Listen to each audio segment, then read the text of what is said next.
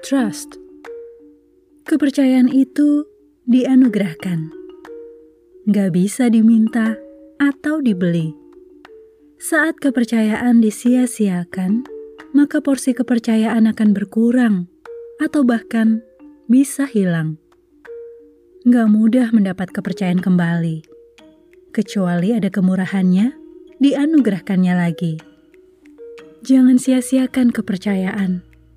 Lebih baik berkata terus terang, ketimbang tahu belakangan dari orang.